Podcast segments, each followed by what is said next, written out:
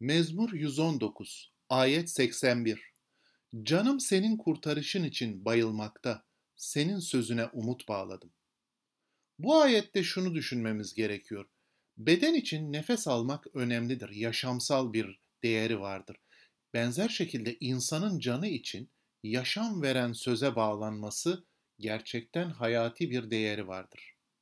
Bu kısa dua zorlu günlerden geçen, sıkıntılı zamanlardan geçen hepimiz için önemli bir duadır.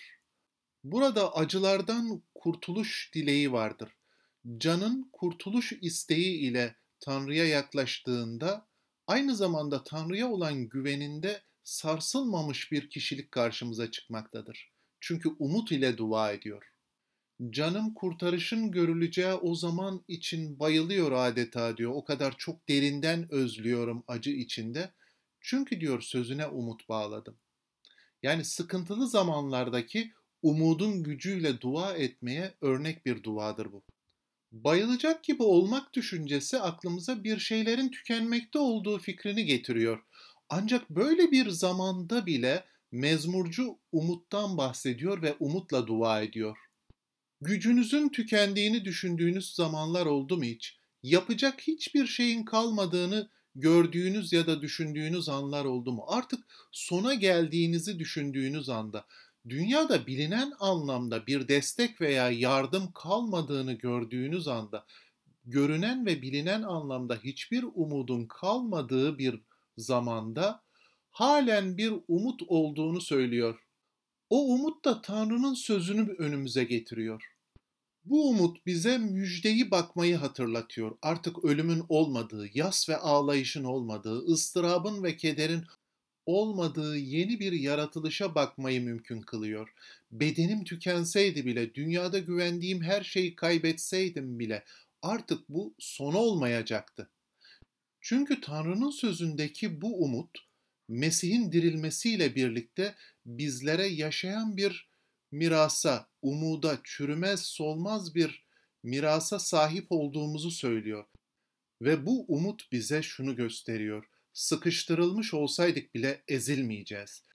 Dünyaya göre çaresiz bir durumda kalmış olsaydık bile asla terk edilmeyeceğimizi, kovalansaydık bile asla yıkılmayacağımızı hatırlatıyor.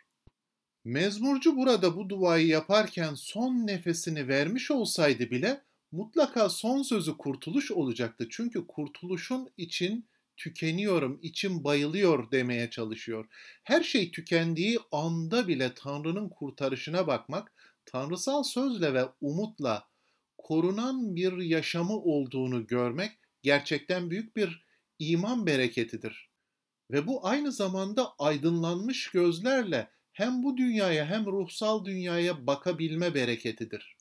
Yaşam boyu pek çok konuda yardım, destek, teselli ve kurtuluş için ihtiyaçlarıyla yüz yüze geliriz.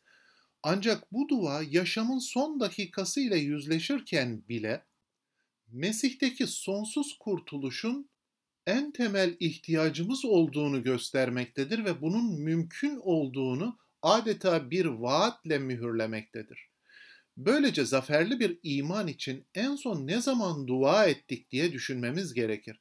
Zaferli bir imanı mezmurcunun buradaki tutkusuyla hiç dilediniz mi? İkinci Korintler mektubunda şöyle diyor. Cesaretimizi yitirmeyiz, dış varlığımız harap oluyorsa da iç varlığımız günden güne yenileniyor. Böylelikle Tanrı'yı günden güne tanımayı, onun kurtarışını özleyerek yaşamayı de- devam ettirdiğimiz sürece bizler de mezmurcunun buradaki yakarışı, aydınlanışı ve ruhsal tecrübeleriyle birlikte yürümeyi pratik edeceğiz. O halde dua edelim. Rab, içim tükeniyor senin kurtarışını özlerken. Senin sözüne umut bağladım ben.